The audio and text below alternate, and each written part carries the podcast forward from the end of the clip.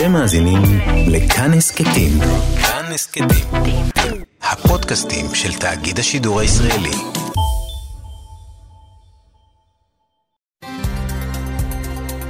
כאן רשת ב' ערן סיקורל כאן רשת ב'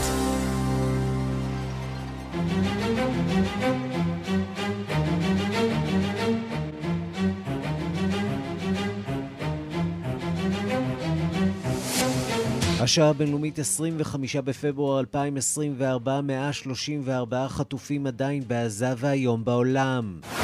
ההפסדים הכי צורבים בספורט הם הפסדים ביתיים, וזה בדיוק מה שקרה אתמול למי שהייתה מושלת קרוליינה הדרומית ניקי היילי בבחירות המקדימות במדינה. I was just informed that we got double the number of votes that has ever been received in the great state of South Carolina. זה עתה הודיעו לי שקיבלנו כפול ממספר הקולות שאי פעם התקבלו במדינת דרום קרוליינה הגדולה. זה די טוב. טראמפ זכה ב-60% מהקולות, אבל היילי ניסתה להסתכל על חצי הכוס המלאה, או ליתר דיוק יותר משליש הכוס המלאה. היא ממש לא מתכוונת לוותר. I said earlier this week that no matter what happens in South Carolina, I would continue to run for president. I'm a woman of my word. אמרתי מוקדם יותר השבוע שלא משנה מה יקרה בדרום קרוליינה, אמשיך לרוץ לנשיאות. אני אישה שעומדת במילה שלי, אני לא מוותרת במאבק הזה. שנתיים למלחמה באוקראינה. ציצוץ בקייב מדווח הכתב של רשת CNN. כוחות של צבא רוסיה פלשו לערים מריופול וחרקוב ותוקפים יעדים צבאיים. פוטין מכריז באופן רשמי על מלחמה. Putin, stop your troops from attacking the Ukraine. Give peace a chance. יותר מ-200 אלף אוקראינים מתו במלחמה, יותר מ-6 מיליון נמלטו מהמדינה, 4 מיליון עקורים מבית. בצד הרוסי המצב לא טוב הרבה יותר. מאז תחילת המלחמה נהרגו או נפצעו 315 אלף רוסים. באוקראינה אולי יחזיקו מעמד עד נובמבר הבא, אבל חוששים שם מאוד מפני שובו של הנשיא לשעבר טראמפ, שרוצה לסגור עסקה עם פוטין, ובעיקר לסגור את ברז התקציב.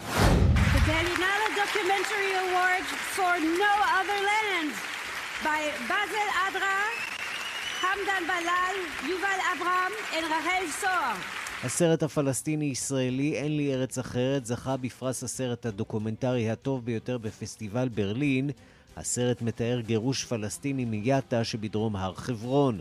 היוצרים באסל אדרה ויובל אברהם ניצלו את הבמה לתקוף את ישראל. I ask one thing for Germany as I am in Berlin here to respect the UN calls and stop sending weapons to Israel.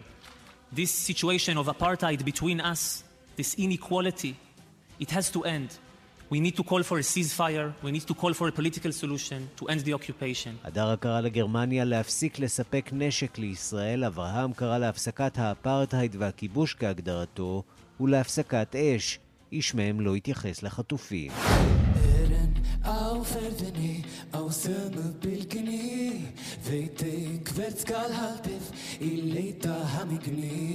ישראל אולי תמצא את עצמה בקרוב מחוץ לאירוויזיון 2024, אבל נציגה ישראלית תהיה על הבמה, הזמרת טלי מלוקסמבורג. כפי שזה נראה כעת, היא לא תהיה שם היחידה עם תעודת זהות כחולה.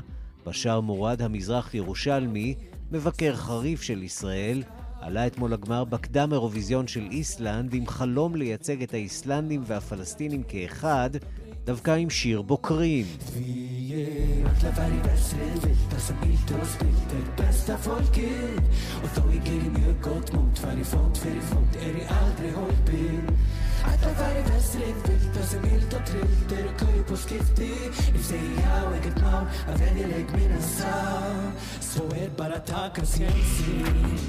וגם... Don't tell me me not to live, just sit and putter. Life's candy and the sun's a ball of butter. Don't bring around a cloud to rain on my parade. ברברה סטרייסנד כבר בת 81, אתמול היא זכתה בפרס מפעל חיים בטקס פרסי גילדת השחקנים. I didn't like reality. I wanted to be in the movies. Even though I knew I didn't look like the other women on the screen. My mother said, uh, You better learn to type. But I didn't listen. And somehow, some way, thank you God, uh, it all came true. לא אהבתי את המציאות, רציתי להיות בסרטים, למרות שידעתי שאני לא נראית כמו נשים אחרות על המסך. אמא שלי אמרה, כדאי שתלמדי להקליד, אבל לא הקשבתי לה, ואיכשהו, בדרך לא דרך, תודה לאל, זה הצליח.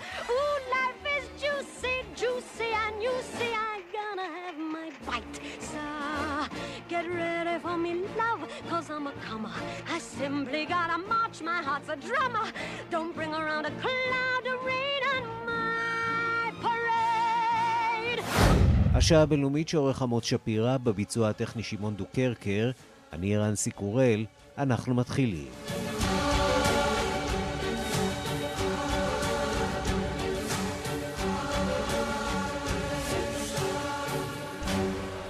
שלום רב לכם ושלום לאמיר שמואלי שאיתנו גם כן. אנחנו מתחילים עם העימות המדמם בין רוסיה לאוקראינה שנכנס כבר לשנתו השלישית, אבל נראה שלאף אחד אין uh, כוונה לעצור. בקרמלין עדיין לא ויתרו על השאיפה לכבוש את קייב ומנגד באוקראינה, שם מתחננים uh, לסיוע מערבי כדי לעצור את המומנטום הרוסי בשדה הקרב. שלום לאלכס נירבורג, כאן חדשות בדיגיטל. שלום ערן, ובכן אתמול ציין העולם שנתיים בדיוק לפלישה הרוסית לאדמת אוקראינה.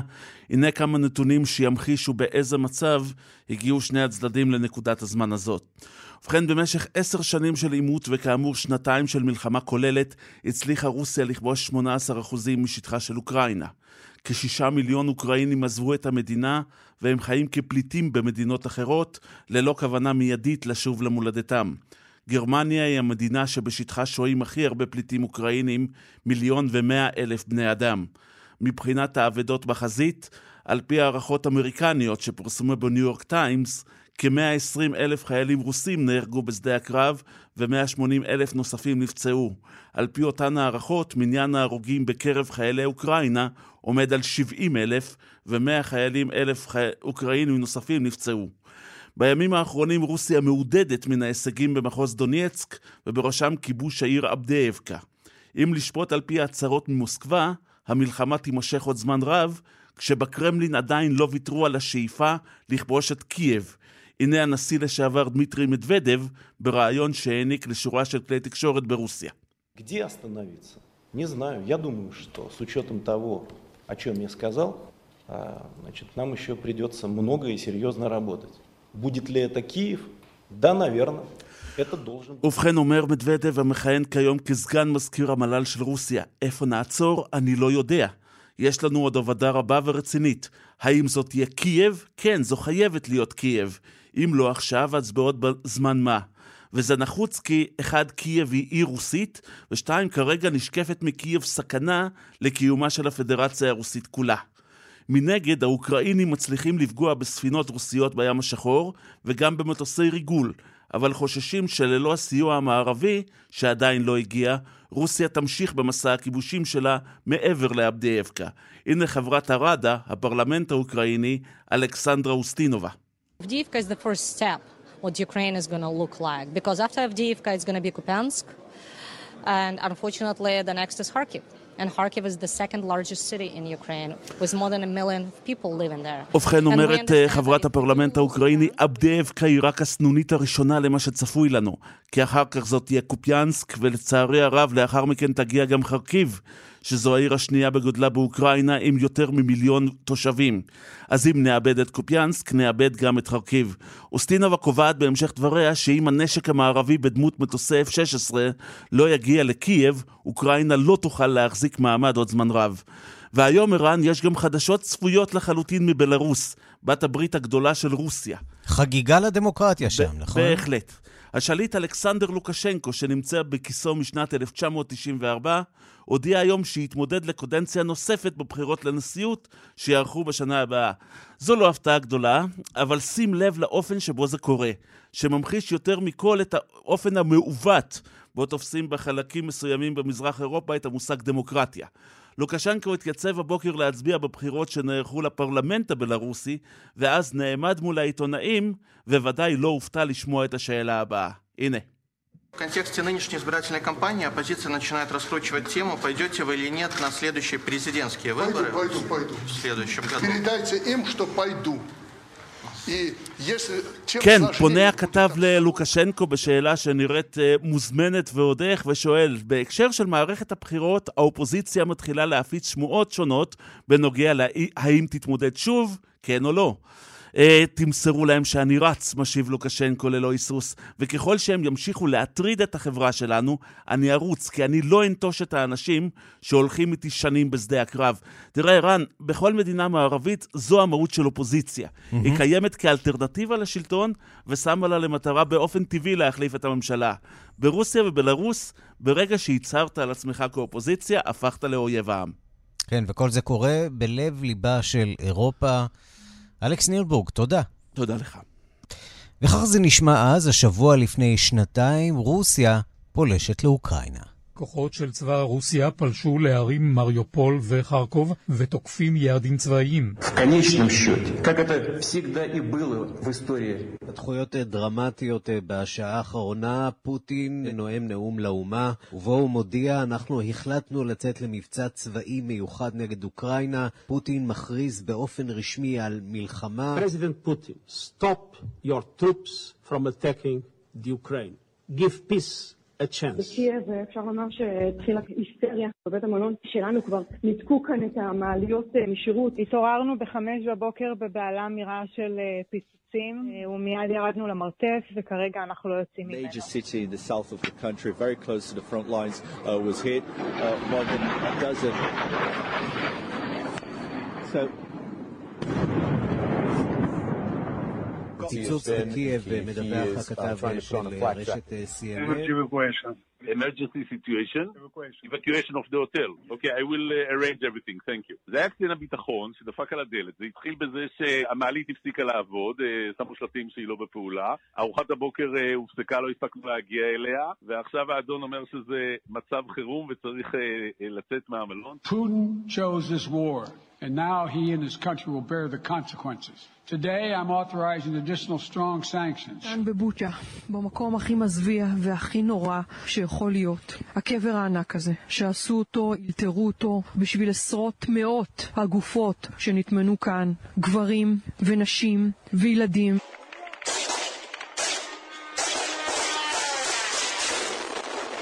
נערכים לראות עוד נשק איראני שיגיע לאזורי הלחימה. באוקראינה מעריכים שאנחנו צפויים לראות עוד מאות כטב"מים נוספים שיועברו על ידי האיראנים לרוסיה. It will be a big mistake. For him, it will be a historical mistake. We will fight. We will survive. We will survive.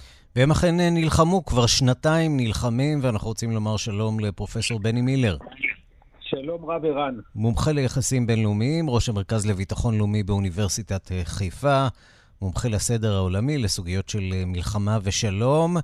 וזאת אולי המלחמה אה, הגדולה, הכי קלאסית שאפשר היה לבקש על אדמת אירופה, והיא נמשכת כבר שנתיים, זמן ארוך מאוד, ולא נראה שהיא קרובה להכרעה. בהחלט. פה, פה באמת הייתה הפתעה גדולה לעולם הליברלי, שציפה שבעולם שאחרי המלחמה, מלחמת העולם השנייה, וקל וחומר, העולם שאחרי המלחמה הקרה, מלחמה בין-מדינתית, בוודאי באירופה, איננה סבירה לחלוטין, והמערב לחלוטין לא היה מוכן למלחמה מה, מהסוג הזה.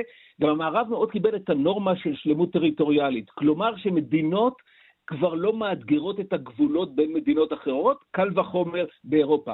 וכל זה קרה לנו במלחמה הזאת, בשנתיים האלה של, של המלחמה בין הפלישה הרוסית לאוקראינה, כלומר, אתגור הגבולות שלכאורה רוסיה קיבלה אותם בזמנו בהסכם בודפסט, יחד עם בריטניה וארצות הברית ואוקראינה, ופורצת פה מלחמה בהיקף גדול שמזכירה בהיבטים מסוימים מלחמת העולם השנייה, ובהיבטים רבים אחרים את מלחמת העולם הראשונה. מלחמת חפירות, מלחמה מאוד הגנתית, כמויות גדולות, מסות של כוחות, מס, כמות ענקית של אבדות, כל זה באמת חזרה לעשרות שנים אחורה, שהעולם הליברלי האמין, היה בטוח שזה כבר הכל מאחורינו, ואנחנו בעולם חדש ואמיץ. אז מזכירה את מלחמת העולם השנייה, מזכירה גם את מלחמת העולם הראשונה, אבל גם מעוררת חשש וחשד מפני מלחמת עולם שלישית. האם זה עדיין על הפרק?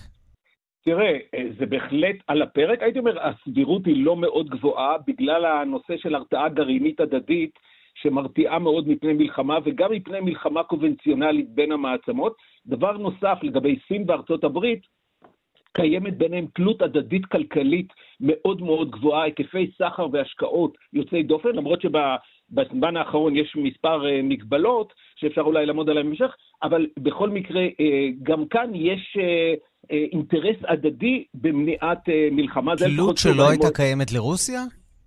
כן, תראה, זה בדיוק, בדיוק כאן אנחנו רואים את הפרחת האמונה הליברלית של תלות הדדית כלכלית תמנע מלחמות. זה מה שקרה בין רוסיה לאירופה. הלוא גרמניה, מה היא בנתה את האסטרטגיה שלה אחרי מלחמת העולם השנייה? באמת, פיתוח יחסי סחר, תלות הדדית כלכלית עם uh, ברית המועצות בזמנו, ואחרי זה קל וחומר עם רוסיה, וזה מה שימנע חזרת מלחמה. Uh, וזה באירופה. וזה כמובן uh, הופרך. ואירופה עכשיו הלא עושה כל המאמצים כדי להתנתק מהאנרגיה הרוסית שהיא כל כך התרגלה אליה בזול וכל זה. אז כאן מבחינה זאת התלות ההדדית הכלכלית לא עבדה. עם סין הציפייה היא יותר גבוהה שזה יעבוד, mm-hmm. בגלל שזה עזר מאוד לפיתוח הכלכלי חסר התקדים של אה, סין מאז שנות ה-80, ולכך שהגיעה הכלכלה השנייה בגודלה בעולם, זה במידה רבה או במידה כמעט מוחלטת, זה בגלל יחסי הסחר וההשקעות עם ארצות הברית וגם במידה רבה עם אירופה. מצד שני, אבל... אנחנו רואים כיצד uh, סין לוטשת עיניים לטיוואן, שגם היא ממתינה אגב לסיוע כספי uh, מארצות הברית, שמבושש להגיע בגלל חוסר יכולת uh, במנגנונים הליברליים של ארצות הברית להגיע להסכמות והחלטות. על פניו נראה שנבנתה כאן אה, קואליציה של מדינות שמרגישות שהן יכולות לקחת את מה שהן רוצות. בהחלט. העולם, המלחמה באוקראינה מתחילה אה, להראות את זה, וככה גם לגבי אוקראינה, וככה גם לגבי המלחמות שלנו במזרח התיכון. העולם היום מתחלק לשלושה גושים, קצת דומה למלחמה הקרה, גם עם הרבה הבדלים. מצד אחד, המחנה המערבי הליברלי בראשות ארצות הברית, תכף נגיד את המגבלה כמובן לגבי זה. המחנה השני זה המחזה, המחנה הרוויזיוניסטי אה, סמכותני, שהמחנה המשותף שלו זה המטרה להחליש את ההגמוניה האמריקאית, כלומר את העולם החד-קוטבי, ולהחליש את הליברליזם את, ואת הסדר העולמי הליברלי, וגם את הליברליזם בתוך המדינות המערביות. המחנה השלישי הוא מחנה ענק, אבל הוא מאוד מאוד אמורפי, והוא לא לגמרי מאוחד, וזה מה שנקרא היום הדרום הגלובלי, ולמעשה... הבלתי מזדהות, מה שכינו פעם. בדיוק, העולם השלישי, הבלתי מזדהות, קבוצת ה-77, אה, העולם השלישי, כל, כל החבר'ה, העולם הפוסט-קולוניאלי באמת, והאלמנט הקולוניאלי באמת בו, או הפוסט-קולוניאלי באמת מחבר אותו יותר, למרבה הצער, במידה מסוימת, דווקא עם המחנה הסמכותני רוויזיוניסטי, ופחות עם המחנה המערבי הליברלי, בגלל הזיכרון כאילו של המערב בימי הקולוניאליזם שלו והשליטה שלו. ולכן חלק גדול מהמאבק היום בין המערב לבין המזרח הוא בעצם על ליבו וראשו של הדרום הגלובלי. אבל זה נכון שיש לנו היום שלוש נקודות שבהם יש סכנה מאוד גדולה של אסקלציה, למרות הגורמים שמגבילים ומצמצמים את הסכנה הזאת, וזה באמת אוקראינה, אה, המלחמות במזרח התיכון, וטיוואן. בהחלט טיוואן היא אולי הסכנה הגדולה ביותר, בגלל שמאז 1949, מאז תום מלחמת האזרחים, כאשר הלאומנים ברחו לטיוואן ולמעשה הקימו שם ישות עצמאית, גם אם היא לא מדינה עצמאית במובן הפורמלי, סין, אה, סין היבשתית מחויבת לאיחוד מחדש עם טיוואן, מתוך הטענה הלאומית בעצם, שאין עם טיוואני, הם בעצם כולם סינים, טיוואן היסטורית, הטריטוריה הייתה תמיד שייכת לסין, ולכן אה, אה, יש להם כל הזכויות לשלוט ב... אה, בטיוואן ולמנוע כל עצמאות אז שלה. אז כל הנתונים האלה בעצם מביאים אותנו לכדי מסקנה שגם רוסיה וגם סין, ואולי גם איראן כמובן, מעוניינות מאוד להשפיע אולי על אה, איך תיראה ארצות הברית, וארצות הברית אה, זאת אולי אה, נקודת התורפה. מה עומד לקרות שם בנובמבר, ואיך זה ישפיע על המערך הגלובלי, כשאנחנו שומעים שנשיא ארצות הברית טראמפ מדבר על לשסות את רוסיה במדינות שלא ישקיעו מספיק כסף בסיוע חוץ, בסיוע, בכספים ביטחוניים. בדיוק, זה, זה כמובן נקודת המפתח, מה יקרה בארצות הברית. כי מה שקרה בשלב הראשון של המלחמה באוקראינה, זה לאחר שהאמריקאים תחת ממשל ביידן, נוכחו לדעת שהאוקראינים מוכנים להגן על עצמם ולהקריב.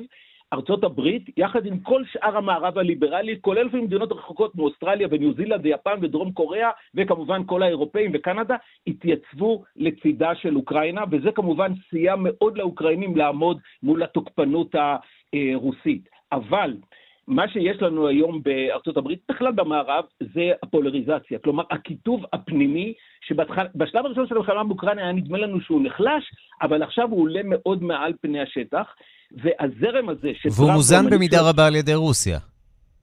כן, בוא נאמר, גם אה, רוסיה מנסה בדרכים שונות, אבל זה יותר אותנטי, בגלל שיש לנו כמה נקודות בעולם שאחרי המלחמה הקרה, שהביאו לעליית הפופוליזם הלאומני הימני שכאמור טראמפ המוביל אותו למשל אה, בארצות הברית, מרי לפן בצרפת וכולי, וכולי באירופה, וזה בעצם היציאה כנגד הגלובליזציה, היציאה כנגד התערבויות צבאיות, וזה בעיקר לגבי ארצות הברית, והיציאה נגד הגירה מהעולם השלישי. שלושת האלמנטים הללו יצרו גל של התנגדות בתוך המערב הליברלי כנגד המחויבות לעולם ליברלי וכל מה שקשור בו, ולגבי ארצות הברית, שהיא כמובן המנהיגה והחשובה ביותר ביפר בעולם המערבי, זה לבדלנות לאמריקה פרסט, זאת אומרת, לאמריקה תחילה, מזכיר מאוד את שנות ה-30 האיומות. Mm-hmm. כאשר בארצות, בארצות הברית הייתה תנועה מאוד חזקה, היום קשה לדמיין כמה היא הייתה חזקה, וטענה, לא, לארצות הברית אסור לה לצאת למלחמה למען היהודים ב, באירופה. בוא נגיד מילה לא... באמת על היהודים ועל uh, מצבנו, מצבה של ישראל בתוך תמונת המצב העולמית המשתנה הזאת. אנחנו... במידה רבה בעיצומה של מלחמת פרוקסי, לא? ואיך יוצאים מהסיטואציה הזאת?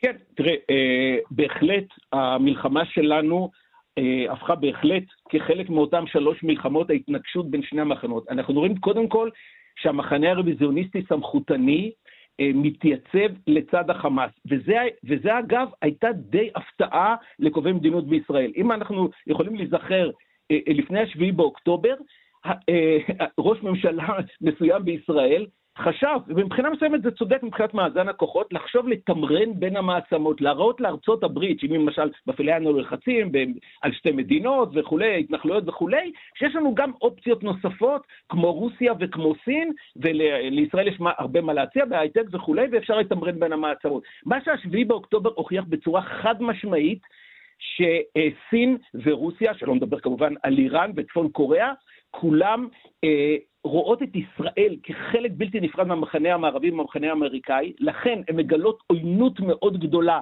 לישראל, והן מתייצבות בעצם לצידו של החמאס. אנחנו רואים את זה גם ברשתות חברתיות, גם בהזמנת משלחת של החמאס למוסקבה. ואז באמת וכ... נשאלת השאלה עד כמה הברית שלנו, של ישראל, חזקה עם ארצות הברית, ופה בתחום הזה אנחנו רואים לא מעט זעזועים בתקופה האחרונה.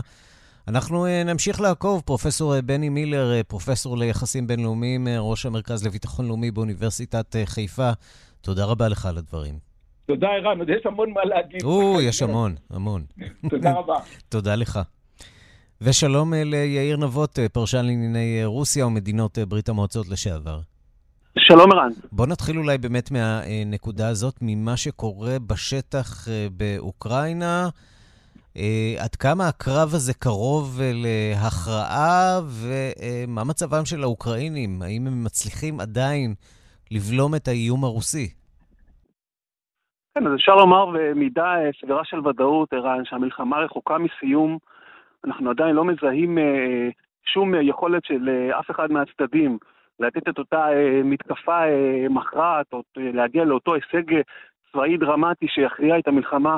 אה, בצורה צבאית, והמשמעות של זה היא אה, כמובן שהמלחמה הזו אה, תימשך עמוק אל תוך 24 וכנראה גם מעבר לה, כשהמצב של האוקראינים, צריך לומר, מאוד מאוד מאתגר.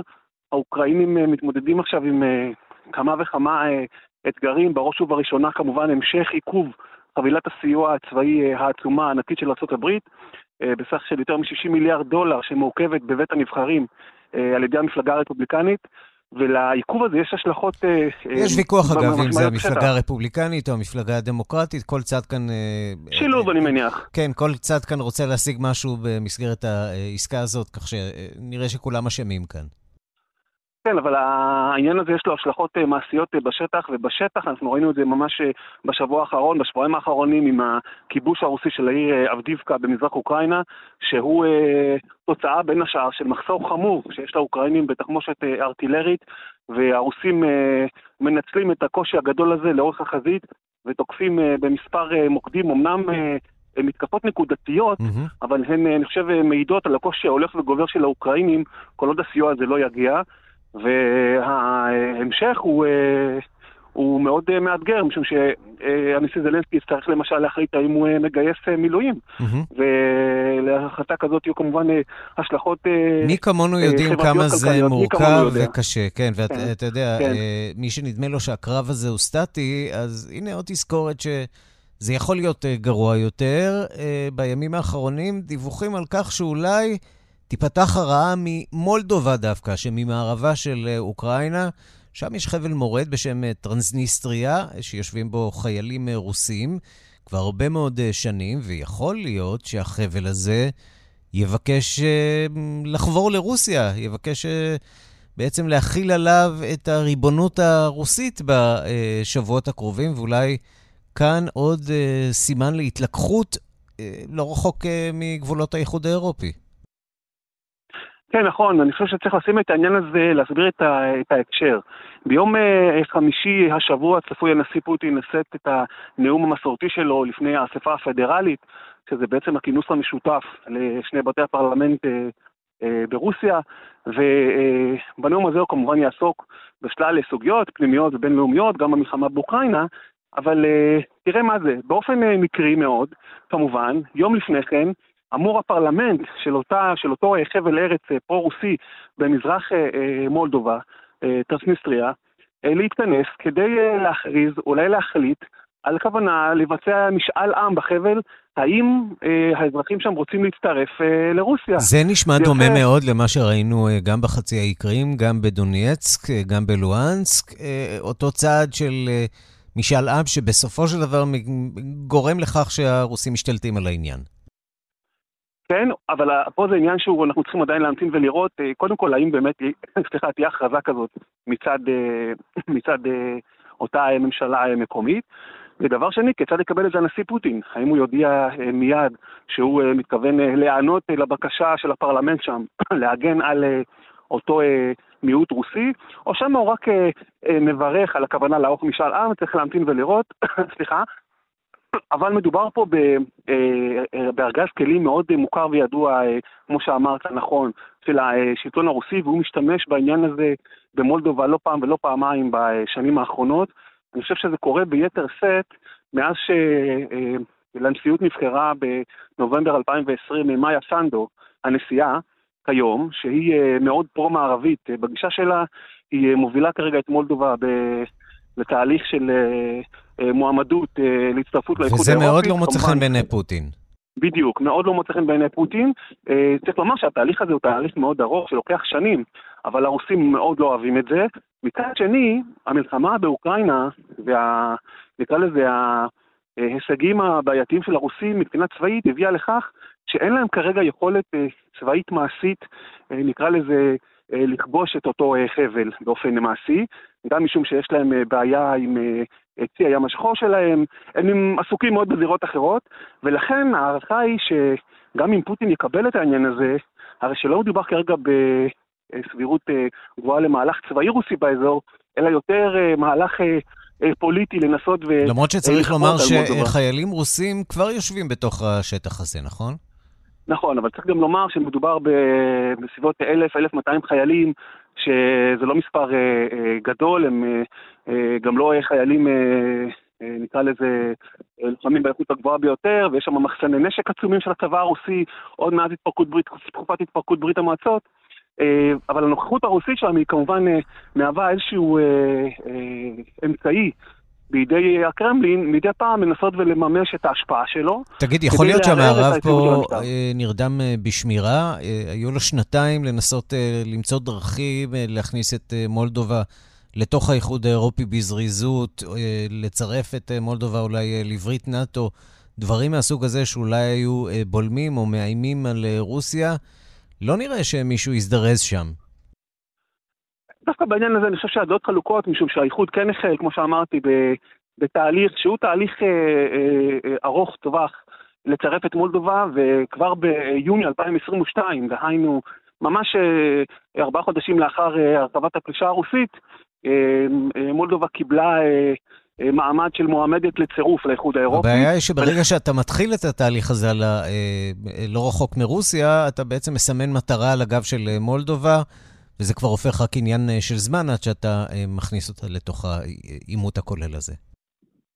נכון, במידה מסוימת מולדובה היא כבר חלק מהעימות הזה, היא כבר אחת הזירות בעימות הזה שהולך ומסלים בין רוסיה לבין המערב. כרגע זהו עדיין לא עימות צבאי, אבל אנחנו כמובן לא יכולים לפעול את האפשרות שבבוא היום, או נהיה מדויקים יותר, אם פוטין יצליח להשיג את אה, מבוקשו באוקראינה בעוד אה, אה, חצי שנה, שנה או שנה וחצי, הרי שבהחלט יש אפשרות שהיא תהיה הבאה בתור, ולכן אנחנו צריכים אה, אה, להבין את ההשלכות שיש להצלחה אה, רוסית אה, עתידית אה, במלחמה נגד אוקראינה.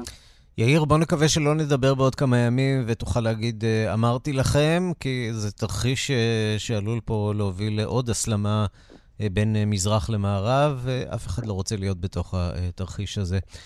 יאיר נבות, פרשן לענייני רוסיה ומדינות ברית המועצות לשעבר, תודה רבה לך. תודה. אנחנו כאן עם השעה הבינלאומית. אנחנו אה, לתימן בפעם הרביעית בחודשים האחרונים. תקפו בסוף השבוע כוחות הקואליציה בהובלת ארצות הברית ובריטניה, מטרות של החות'ים בתימן. מיכל רשף עם הפרטים. מטוסי הקואליציה הבינלאומית בהובלת ארצות הברית ובריטניה ובהשתתפות של מדינות נוספות השיקו בסוף השבוע מתקפה נוספת על מטרות של המורדים החות'ים בתימן. בין היעדים מתקני אחסון נשק תת-קרקעיים, מערכות הגנה אוויריות ומערכות נשק בלתי מאויש.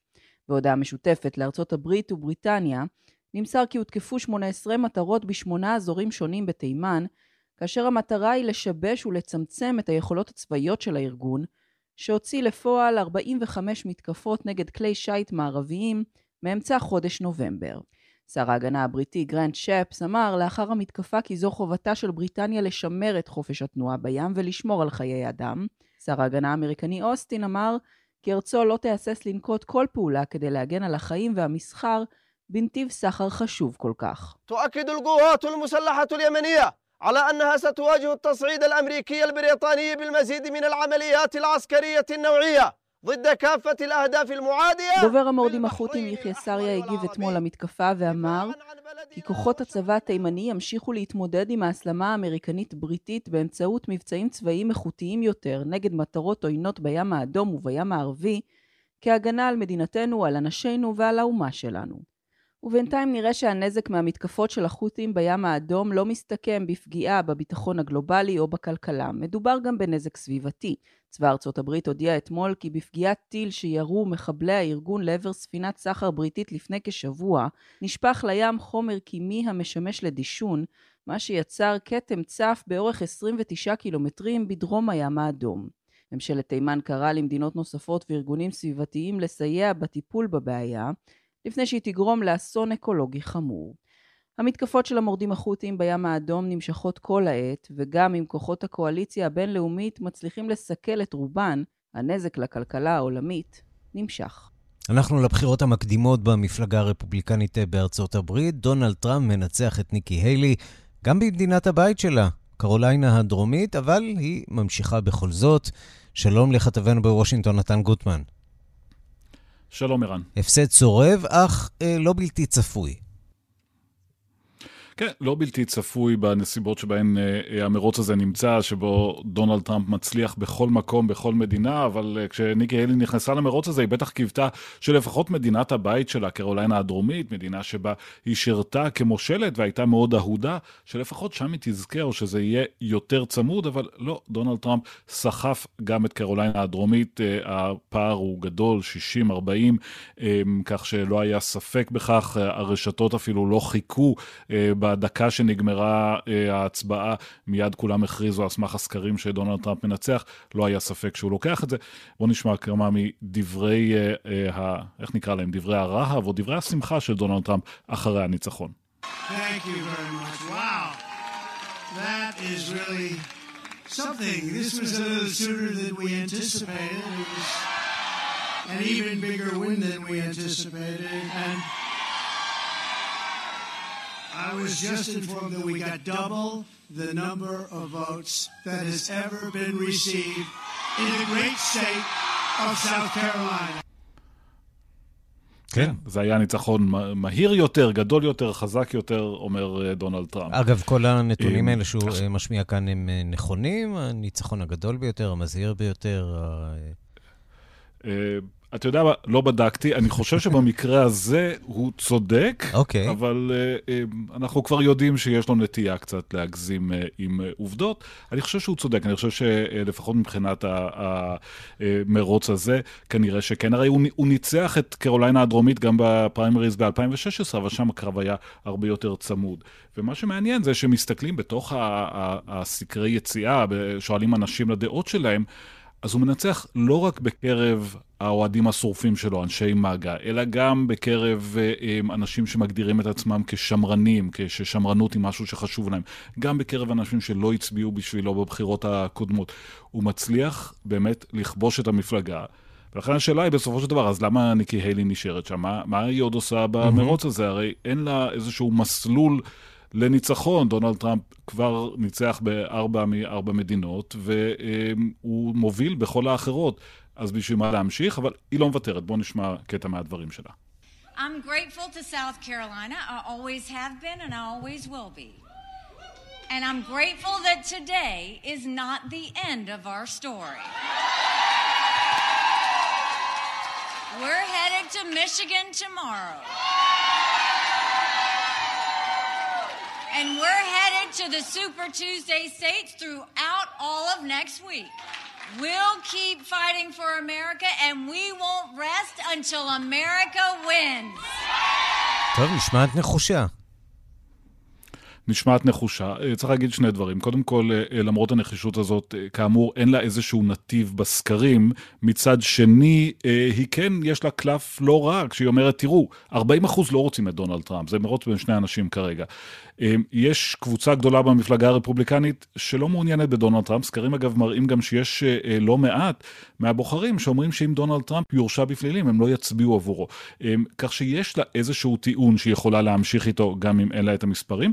אבל צריך להזכיר עוד דבר, הבחירות האלה הן לא בחירות של מי שרוצה רץ והכל נהדר. בסופו של דבר זה בחירות של כסף. צריך תורמים. אתה לא יכול לנהל קמפיין ב-40 וכמה מדינות בלי מיליונים על גבי מיליונים של כך דולרים. כך שבסופו של דבר מדובר בסיפור של עוד שבוע-שבועיים, ונראה איך הסיפור הזה מתפתח. כשהתורמים...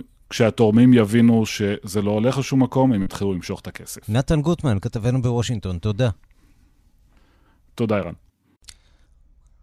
השעה הבינלאומית, אנחנו עם עוד חדשות עצובות שמביאה אלינו כתבתנו לענייני צבא כרמלה מנשה. שלום כרמלה. שלום ערן, כן, הותר לפרסום כי סמל עוז דניאל, בן 19 מכפר סבא, לוחם בגדוד 77, עוצבת צער מגולן, הוא חלל צה"ל, חטוף בידי ארגון טרור. סמל עוז דניאל נפל בקרב ב-7 באוקטובר, והרב הצבאי הראשי קבע את מותו לאחר בחינה של כלל הממצאים ועל בסיס מידע מהימן. הממצאים שאותרו מאפשרים על פי ההלכה להבוא, להביא לקבורה את החלל. בימים האחרונים, כאמור, אותרו ממצאים שמאפשרים לקבוע את מותו. הלווייתו מחר בשתיים בצהריים בבית העלמין הצבאי בכפר סבא. בכפר סבא החייל שירת בגבול רצועת עזה ונחטף יחד עם חבריו לטנק בשבעה באוקטובר. יהי זכרו ברוך. כרמלה מנשה, תודה. תודה. אנחנו לטקסים, טקסים של חלוקת פרסי הקולנוע האירופיים שנערכו בסוף השבוע, והם הופכים זירה של גינויים לישראל, הדיווח של כתבנו גדעון קוץ. הסרט "אין ארץ אחרת" שנוצר על ידי קולקטיב פלסטיני-ישראלי זכה בפרס הסרט התיעודי הטוב ביותר וגם בפרס הקהל בפסטיבל הסרטים בברלין. הסרט מתאר את גירוש הפלסטינים מהכפרים באזור מספרייתה, קבוצה של כפרים פלסטינים בדרום הר חברון שבג"ץ הורה לפנותם לטובת שטחי של צה"ל. יוצרי הסרט וחברי הקולקטיב באסל עדרה שתיעד את החורבן, חמדן בילאל, יובל אברהם ורחל שור זכו בפרס 40 אלף יורו בשם צוות השיפוט. הבמאית הצרפתייה ורנה פרבל הכריזה מעל הבמה בעת הענקת הפרס כי עתה לא יכולה עוד להיות הכחשה של הכיבוש הישראלי הלא חוקי וחסר הרחמים ושל ההתנחלויות ודבריה לוו במחיאות כפיים סוערות. בנאום התודה שלו אמר בסל, קשה לי מאוד לחגוג כאשר עשרת אלפים בני עמי נטבחים על ידי ישראל בעזה והקהילה שלי נמחקת על ידי בולדוזרים ישראלים. אני מבקש דבר אחד מגרמניה, היות שאני בברלין, להפסיק לשלוח נשק לישראל, וקריאתו זכתה בתמיכת קולנוענים רבים. גם טקס פרסי הסזר, האוסקר הצרפתי, הפך לזירה להתקפות אנטי-ישראליות מצד קולנוענים פרו-פלסטינים, אך קהל בחלקו הביע את התנגדותו לפוליטיזציה, וקולות המחאה והשריקות עלו לפעמים על מחיאות הכפיים. גם כאן קולנוענים רבים נשאו על דש בגדם את הסמל האדום של קריאה להפסקת אש ואדום כתום לתמיכה בעזה, אך לא את הסרט הצהוב של תמיכה בחטופים בישראל.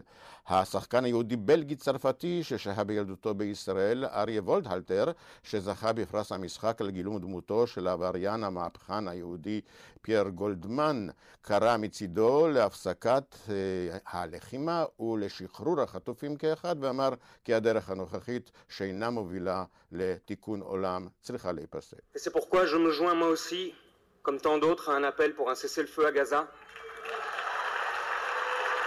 Parce que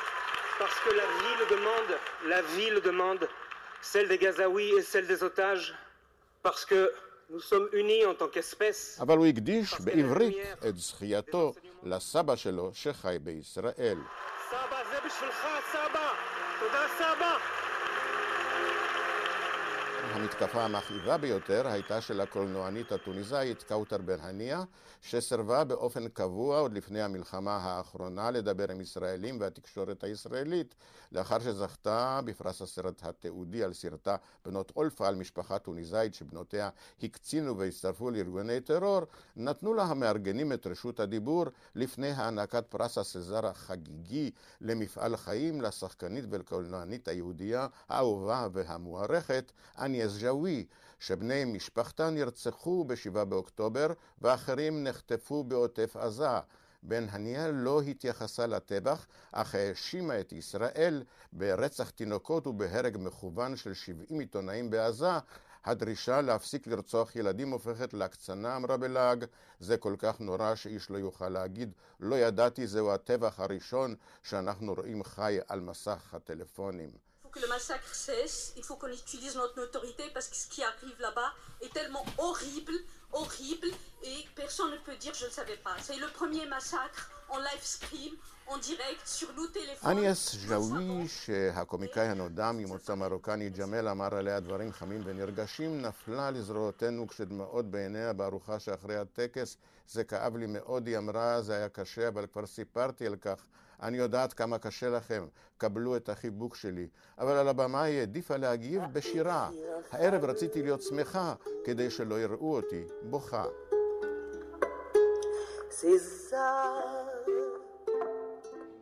כאן גדעון קוץ, בפריז, בברלין. עד כאן השעה הבינלאומית שערך אמוץ שפירא, בביצוע הטכני אמיר שמואלי ושמעון דוקרקר, אני רנסי קורל. אנחנו נהיה כאן גם מחר, מיד אחרינו צבע הכסף עם יאיר ויינרב. להתראות.